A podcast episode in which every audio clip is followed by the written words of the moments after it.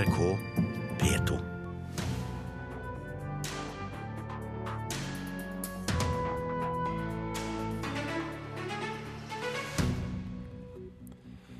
Aftenposten vier hele forsiden til protestbrevet redaktøren skriver til Facebooks Mark Zuckerberg. Espen Egil Hansen er i studio hos meg, og du får høre han straks. Kongehus, statsministre og Danmarks største kjendiser skal ha blitt overvåket. I dag starter rettssaken om det som kalles landets største medieskandale. Og Longyearbyen får sin egen festival for kammermusikk. Arctic Chamber Music Festival ser lyset i november 2017. Vel, ser lyset på Svalbard i november skal vel kanskje godt gjøres, men likevel. Dessuten er det fredagspanel i dag. Fredagspanelet sitter utenfor studio og venter på å slippe til. Dear Mark Zuckerberg, kjære Mark Zuckerberg. Slik står det skrevet på forsiden av Aftenposten i dag. Det er starten på et brev fra Aftenpostens sjefredaktør Espen Egil Hansen. I tillegg er halve forsiden på det omstridte I tillegg er halve forsiden det omstridte bildet, i hvert fall for tiden omstridte bildet av napalmjenta Kim Puk. Bakgrunnen på forsiden er i kledelig Facebook-blått, og Aftenposten har sågar overlatt det venstre hjørnet øverst på avisen til Facebooks logo, den kjente F-en, og flyttet Aftenposten A-en på nedre halvdel. Det hele er en protest mot Facebooks retningslinjer for publisering av bilder av nakne mennesker. Sjefredaktør i Aftenposten Espen Egil Hansen, hvorfor gjør du det? Nei, For det første vil jeg si at uh, jeg selv er en stor bruker av Facebook. De er flinke. Jeg tror vi alle er blitt veldig glad i Facebook. De gjør en god jobb i å binde oss uh, alle sammen. Men Facebook er også blitt en redaktør. Kanskje verdens uh, mektigste redaktør. Og den rollen mener jeg Mark Zuckerberg bruker feil. Det vi snakker om her, helt konkret, er jo et bilde fra Vietnamkrigen, kanskje det mest kjente. Det var et av de bildene som fikk en hel generasjon til å tenke. Det var brutal informasjon som var i strid med den informasjonen myndighetene kom med, og ut av det så ble det en debatt. Hva er det vi holder på med, osv. Og, og, og pressens rolle var viktig i å fasilitere debatten om Vietnamkrigen. Så har Facebook i dag en algoritme som sier at de ikke tillater nakenhet, og det kan vi forstå. Men denne algoritmen rammer da også dette bildet helt konkret. Og, og da er vi nede på en offentlig debatt som handler om et minste felles multiplum som ikke skal støte noen. Og jeg mener det er en urovekkende utvikling. Vi, vi har selvsagt gjort det vi kan i dag for å få tak i Facebook nå på morgenkvisten, og har eh, ikke lykkes med det. Men tror du de kan ha de beste intensjoner å sensurere bilder av tolv år gamle nakne jenter? Ja, selvfølgelig har de gode intensjoner, og, og som jeg sier, de er flinke. Men dette startet jo med at forfatter Tom Egeland postet dette bildet, og siden har de fjernet det mange ganger. Og vi vet at Og de har forsvart De har forsvart dette. De, de, de har jo hatt mulighet til å bruke skjønn. Og det er det jeg reagerer på. At ikke i og for seg at de har en algoritme som fjerner nakenhet, det er de sin fulle rett til. Men med den posisjonen Facebook har fått som redaktør, som styrer hva hver enkelt av oss skal få av informasjon til de grader, så må de også bruke skjønn. Hva ønsker du å oppnå med dette relativt utradisjonelle grepet? Jeg ønsker å reise debatt og si høyt og tydelig fra at jeg er urolig for den utviklingen. Konsekvensene av et stadig sterkere Facebook, stadig svakere medier. og denne måten å redigere informasjon på er farlig. Men hva hvis Facebook enten ikke svarer, eller svarer at de gjør som de vil, og så dør dette hen over noen dager. Hva gjør du da? Nei, men Sånn er jo demokratiet. Man reiser en debatt. Vi, vi debatterer. Og så blir vi eh, litt klokere. Vi finner løsninger uh, framover. Men, men, men, Facebook er jo en yndet publiseringskanal for Aftenposten, for NRK og for de aller fleste, ikke alle, men for de aller fleste norske medier. Um, ser du for deg en større protest enn det du har kommet med nå? Det vet jeg ikke. Facebook er også et viktig sted fordi vi, vi, nesten alle av oss er der. Eh, og det er blitt en arena å diskutere på. Da er det også naturlig at mediene er til, eh, til, til, eh, til stede der. Men jeg, jeg, jeg, jeg tror jeg, ser på reaksjonene verden rundt på det utspillet vårt i dag. At det har resonans, at det blir delt over hele verden og, og kommentert. Så jeg tror ja, debatten, den, den kommer. Espen Egil Hansen, takk for at du tok tid til å være med i Kulturnytt.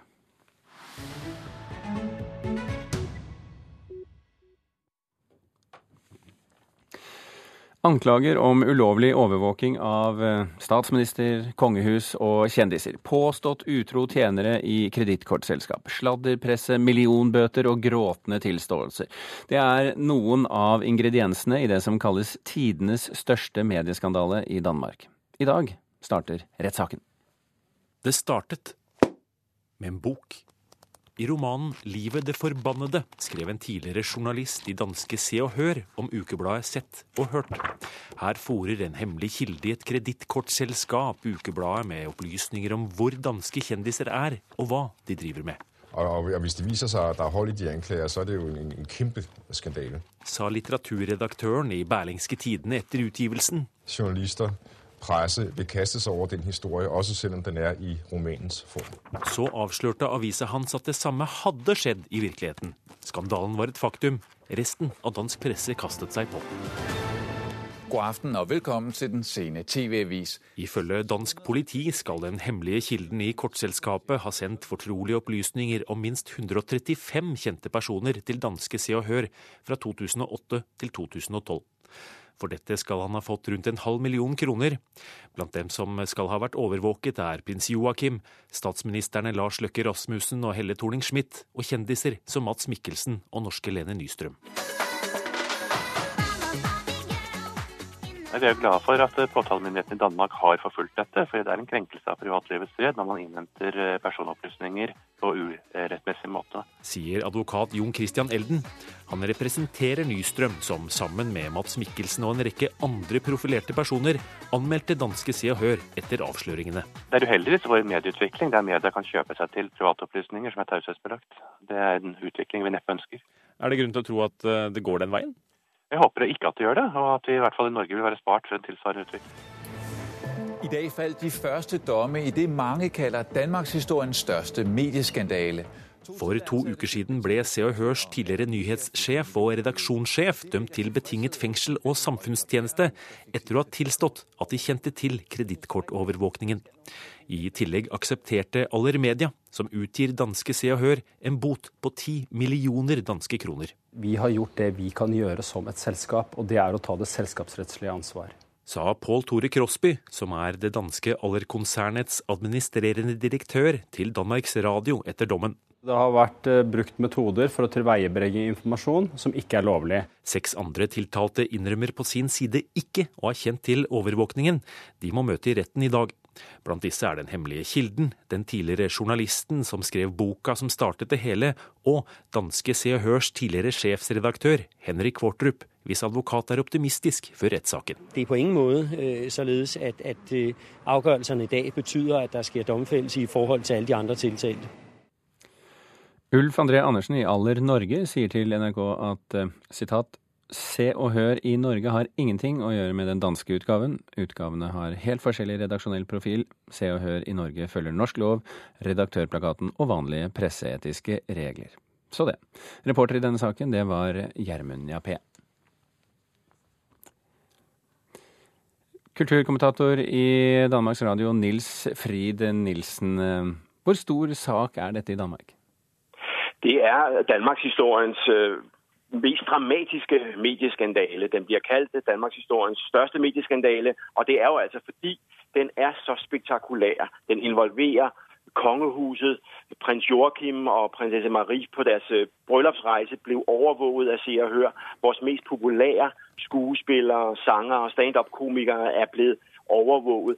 Så det er en sag, der optager øh, hele Danmark. Øh, også de store nyhedsmedier, som vi lige hørte i jeres indslag.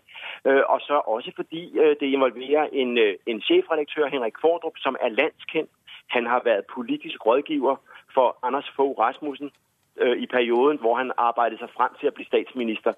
Så der taler man meget, meget sentrale og velkendte personer i et meget, meget spektakulært setup. Vi hørte her eh, at eh, norske Se og Hør tar avstand fra å bli sammenlignet med danske Se og Hør. Hvilken posisjon har Se og Hør i Danmark? Se og Hør er Danmarks største ugeblad. I den her periode, vi taler om, var det det absolutt største med omkring en million læsere ut av altså en befolkning på fem millioner. Så det var meget, meget stort. Det, øh, Se og Hør er en magtfaktor, der bestemmer, hvem der er kendte og hvem der ikke er kendte i Danmark. Og under øh, Henrik Kvordrup, der innledte man en meget aggressiv linje, hvor man hidtil, ligesom de andre ugeblade i Danmark, har nøset og været vennlig overfor de kendte, for at få dem til at åpne op og, og fortælle i, der, i spalterne, så indførte Henrik Fordrup en meget aggressiv linje. Og det allermest aggressive var altså den her overvågning, hvor han købte øh, kreditoplysninger på, de, på folk fra kongehuset og, og, og, og på kendiser. Sådan at han kunne følge dem fra butik til butik, fra bar til bar, fra restaurant til restaurant, og meget præcis kunne skrive, hvad de foretog sig øh, døgnet rundt. På bakgrunn av lignende saker i Storbritannia, News of the World f.eks., hvor sannsynlig er det at Se og Hør er alene om å ha operert på denne måten i Danmark? Altså, det er klart, at nå er det, som vi sier i Danmark, kø ved håndvasken. Alle andre medier vasker hender og sier det kunne vi aldri drømme om. Men det er klart, at øh, paparazzi-bevægelsen og øh, paparazzi-tendensen har præget danske medier, øh, akkurat som den, måske ikke i samme grad som engelske medier, men vi er stærkt påvirket av engelske medier. Henrik Kvordrup var nok den, der gikk lengst. Og nå mens vi venter på dommen, er der en slags øh, øh, stillstand i danske medier. Alle venter og ser, hvordan går det? Kommer Henrik Kvordrup i fengsel eller ej? Hvor hårde blir dommene? Vi har fået de første domme, og de var hårdere end forventet. Øh, der er netop øh, øh, man har netop utvidet anklagen mot Henrik Kvordrup, sådan at bestikkelsesanklagen, han har altså betalt op imod en halv million kroner til den her tysk, tysk kilde. Jeg er, nødt til, jeg er dessverre nødt, Nils Frid Nilsen, til å, å, å bryte deg av der. Eh, Beklager at jeg er uhøflig med deg på denne fredagsmorgenen. Men du overlever nok, eh, Danmarks Radio-kommentator altså. Takk for at du var med oss i eh, Kulturnytt.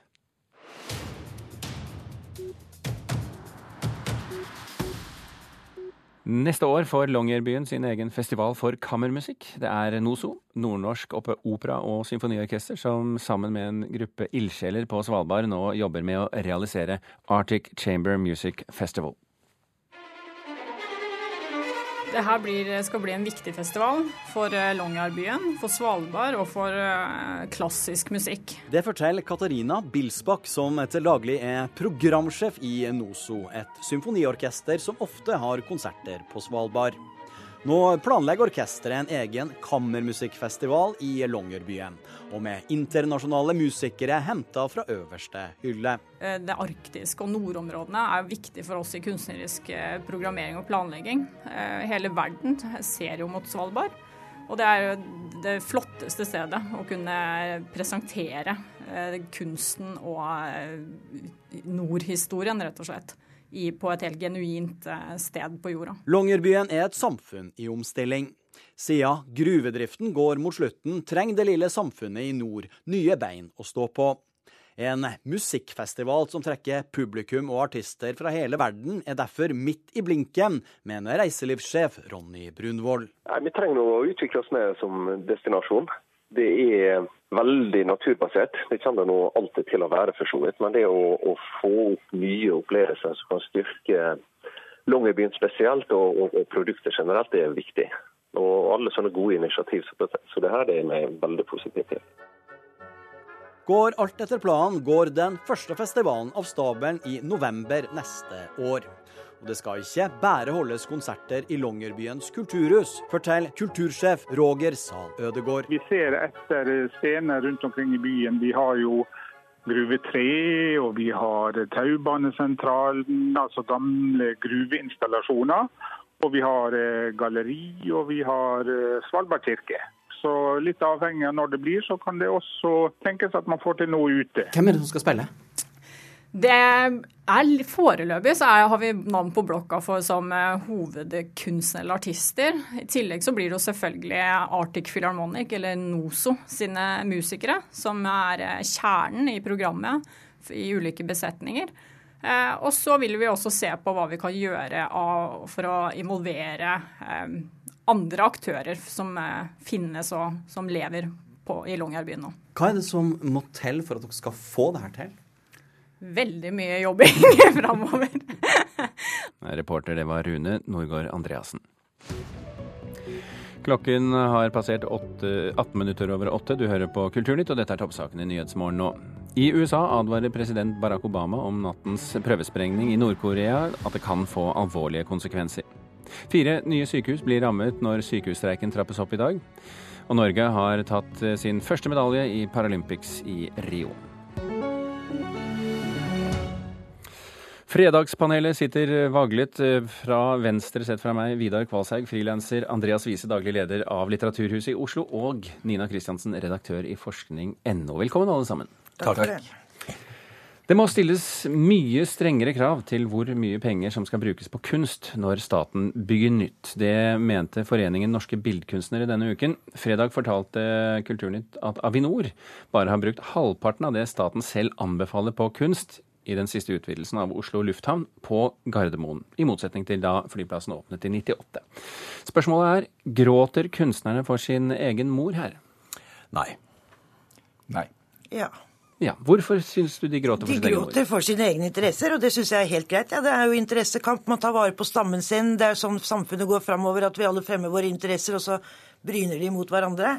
Jeg, jo, jeg støtter dem fullstendig, selvsagt. Jeg syns jo at det bør mer kunst i det offentlige rom, og det er bra at kunstnerne sier fra om. Vise, du syns ikke de gråter for sin syke mor? Nei, for jeg syns ikke bildet syk mor her er så godt. Fordi kunst, de kjemper, som du helt riktig sier, for sine rettigheter.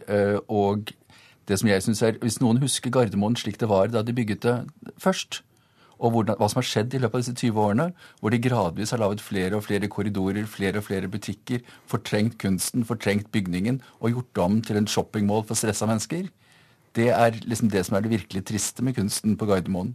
Og når de nå skal utvide på nytt, og de da starter med å halvere det de gjorde den gangen, så er ikke dette en utvikling i riktig retning. Det blir en kommersialisering av et offentlig rom de som ikke trenger å være det. De legger seg så uh, på en måte på nivå med det som allerede er i, i 2016? Altså. Real, den reelle utviklingen, ja. Mm. Men, uh, men, er ikke det greit da, Kvalsheim? Nei, altså Jeg er jo enig med både Nina og Andreas, selv om vi svarte forskjellig ja og nei. Jeg tenker at en Gate 19E, er det det som er den der, den der? Mm. Den, den, rommer jo egentlig Det er egentlig nok plass til et nytt nasjonalgalleri der, hvis mm. du skal, skal, se det sånn. Men det er lenger og lenger mellom kunsten. Og nå får vi vite at de kanskje bare har brukt halvparten av det de skal. Noen må passe på. Kunstnerne er de beste til det. Men hvilke forventninger har egentlig folk når de kommer til en flyplass? De forventningene er vel skapt av en, av en forretningsstand uh, per nå, men jeg tenker at kunstnerne må mer inn i, inn i, den biten. Og så er det jo fint, og så funker det bra. Og så har jeg sett på kunstforskningen, og det er til og med bra for helsa. Altså Blodtrykket går ned, og vi blir roligere, og vi får bedre humør når vi ser kunst. Selv på en flyplass? Selv på en flyplass. Eller, Særlig på en flyplass. Ja, og Forskninga tok ikke noe hensyn til hvor vi så kunsten hen. Men, men, det er klart at kunst provoserer oss, vi begynner å krangle, vi begynner å vi irritere oss, og vi blir glade. Og det er en bra opplevelse uansett hvor du er. Så vi krangler eh, hvis det er kunst, og vi krangler altså hvis det ikke er kunst også. Nemlig. Det som er fascinerende, er hvordan de har lært oss som litt som Pavlov når vi er på det mest stressede og har en halvtime til et fly, at det er naturlig å shoppe, som om du ikke går og bærer nok i de hendene allerede. Mm. Heller kunst enn taxfree, kan vi ja. være enige om. Litt kunstmoralisme her på morgenkvisten i Kulturnytt. Det, er, det, egner seg godt. Vi hopper til neste spørsmål. Det vil koste milliarder av kroner å sette norske kirker i brukbar stand. Ansvaret ligger hos kommunene, men de har ikke råd. Og i 2014 sa regjeringen at de ville lage en strategi for vedlikehold av kirken. Men eh, planen er fortsatt ikke klar, og nå øker bekymringen. Spørsmålet vårt er, ikke ja og nei denne gangen, men hvis noen, hvem bør ta ansvaret for kirkebyggene våre? Kirken eller staten? Kirken. kirken, men hvor ble det av kommunen? Nei, Vi antar at kommunen ikke har råd, ikke sant? Så kirken eller staten? Kirken. Kirken og staten. ja. Eh, Fordi det er, en, det er jo en, en tidlig separasjon med, med separasjonens alle kjennetegn. Forvirring, eh, litt armer og bein, litt uavklart økonomi. Eh, og jeg tenker at eh, Opplysningsvesenets fond, som både har kirkegården, eller ikke kirkegårdene selvfølgelig, det har de ikke, men de har, de har presteboliger og de har fyr rundt om i Norge. Eh, De burde inn her som en mellomløsning, i alle fall inntil denne planen fra regjeringen er på plass. Det, man kan ikke kaste denne på eh, kommunene med en gang. Nei, altså kommunene har den. Uh, Og, og, så det er jo, den saken er grei, men de har ikke råd. Uh, Vise, hvorfor vil du at kirken skal betale? Ja, for dette er, altså, Hvis man ser på det på lang sikt, det er bestemt seg for at kirken skal stå alene i Norge, og antall medlemmer av statskirken går ned, og det naturlige blir at kirken må gjøre det. Men så må riksantikvarer og andre inn i forhold til disse byggene og disse byggenes verdi, og kunne pålegge vedlikehold og kunne pålegge på en måte at dette her blir ivaretatt på en ordentlig måte. Men den som må være ansvarlig for det, er Kirken. Og så må man diskutere hvordan Kirken skal finansieres. Og bare så det er nevnt, Opplysningsvesenets fond ble jo poengtert her av eh, Kvalshaug. og Det er da altså et, et fond som administrerer en stor eh, verdi for Den norske kirke. Eh, Kristiansen, eh, staten eh, hevder jo å ha eh, religionsfrihet her i landet. Er det ikke eh, riktig da at staten også besørger at folk kan eh, utøve sin religion? Jeg tenker at staten må ta vare på de verneverdige bygningene. Der har staten et spesielt ansvar. Og vi har ikke så mange gamle bygg i dette landet, så vi må jo liksom ta vare på de vi har.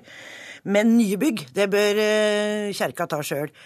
Men jeg tenker jo sånn der moderne med gjenbruk og delingsøkonomi. Altså, Staten kunne jo ta det mot at det- det blei liksom mer effektiv bruk av bygninger. At det kanskje kunne bli litt kulturhus og litteraturhus og og et sted for lokal kultur. Hvis staten skal inn, så må de også ha en eh, ressurseffektiv bruk av kirkene, mener jeg da. Så det du, eh, det, du skil, eh, det du lister opp her, er egentlig en ny modell? En, helt ny modell som lanseres nå. Ja, en, bl en blandingsøkonomi av En blandings- stat og kirke. Ja. Hva syns dere om dette, mine Vi er jo enige da, Nina. Ja. Ja, altså I noen grad så er det mulig, men det er klart at det er en del kulturelle aktiviteter og den type ting som kanskje ikke naturlig passer inn i vekselbruk i et kirkehus. Et annet spørsmål er jo hvor mange kirken, kirker den nye kirken etter hvert kommer til å trenge. Fordi det blir jo færre eh, medlemmer av statskirken, og det er kanskje flere kirker enn de trenger allerede. Men man avviksler jo kirker. Jakob eh, kultur, kulturkirke i Oslo er jo en avvikslet kirke, f.eks. Ja, og det kommer det nok til å skje med flere kirker. Ja. Man kan bruke det når de trenger dem. Det er jo bedre, så slipper du å avviksle dem. Du kan beholde det som et eh, sted for å utøve religion, men øke, få flere folk inn. Det, og Istedenfor at de står tomme. Det er jo vakre bygninger. Mange av dem er det.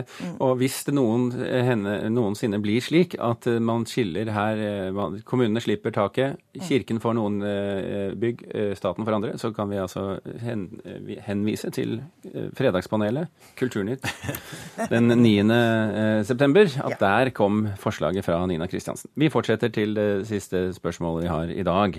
Også det skal handle om bygg, eh, så vi holder oss veldig på bygg denne, denne gangen. Det såkalte dødshuset til eh, kunstner Bjarne Melgaard på Ekely i Oslo er eh, et skritt nærmere å bli bygd. Det fikk vi høre denne uken. Byantikvaren sier nå nemlig ja til prosjektet. Det var nei, nå sier de ja. Eh, Og dette er altså et bygg som ligger i den lille skogen rett nedenfor Munchs atelier i, i Oslo. En skandale hvis dette gjennomføres, sier nabo og billedkunstner Per Maning. Han håper Riksantikvaren setter foten ned. Spørsmålet vårt er bør Riksantikvaren sette foten ned? Altså Skandalen var nå Ja eller nei? Ops, unnskyld.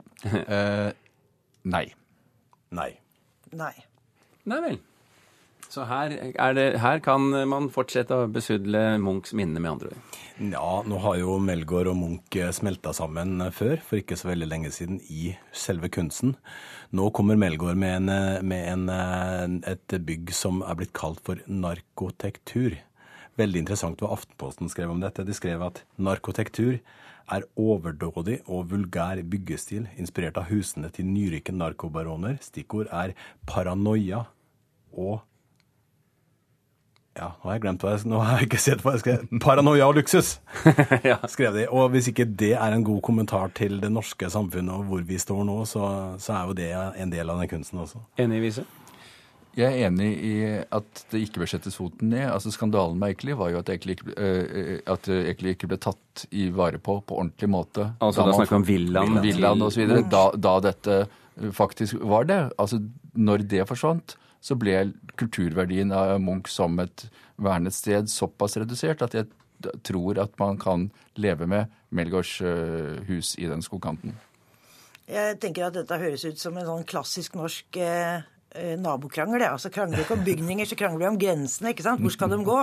Og i dette tilfellet så er det jo sånn én, det har stått et hus der før. To, det skal være utafor fredningsgrensa. Tre, det eneste som skal være innafor, er under jorda.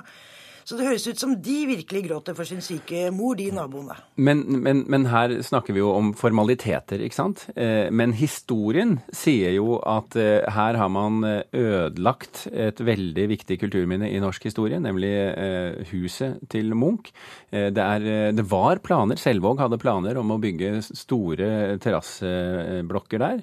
Det er historien om Munchs Altså Oslo kommune, måten de har ivaretatt Munch på historisk sett, vi snakker ikke nå, men historisk sett, så skjønner dere litt at man blir litt forbanna på dette prosjektet like fullt? Jo da, men det, den rivninga kan ikke styre all debatt rundt eh, fredelig i all evighet. Altså, det er forferdelig, det har skjedd.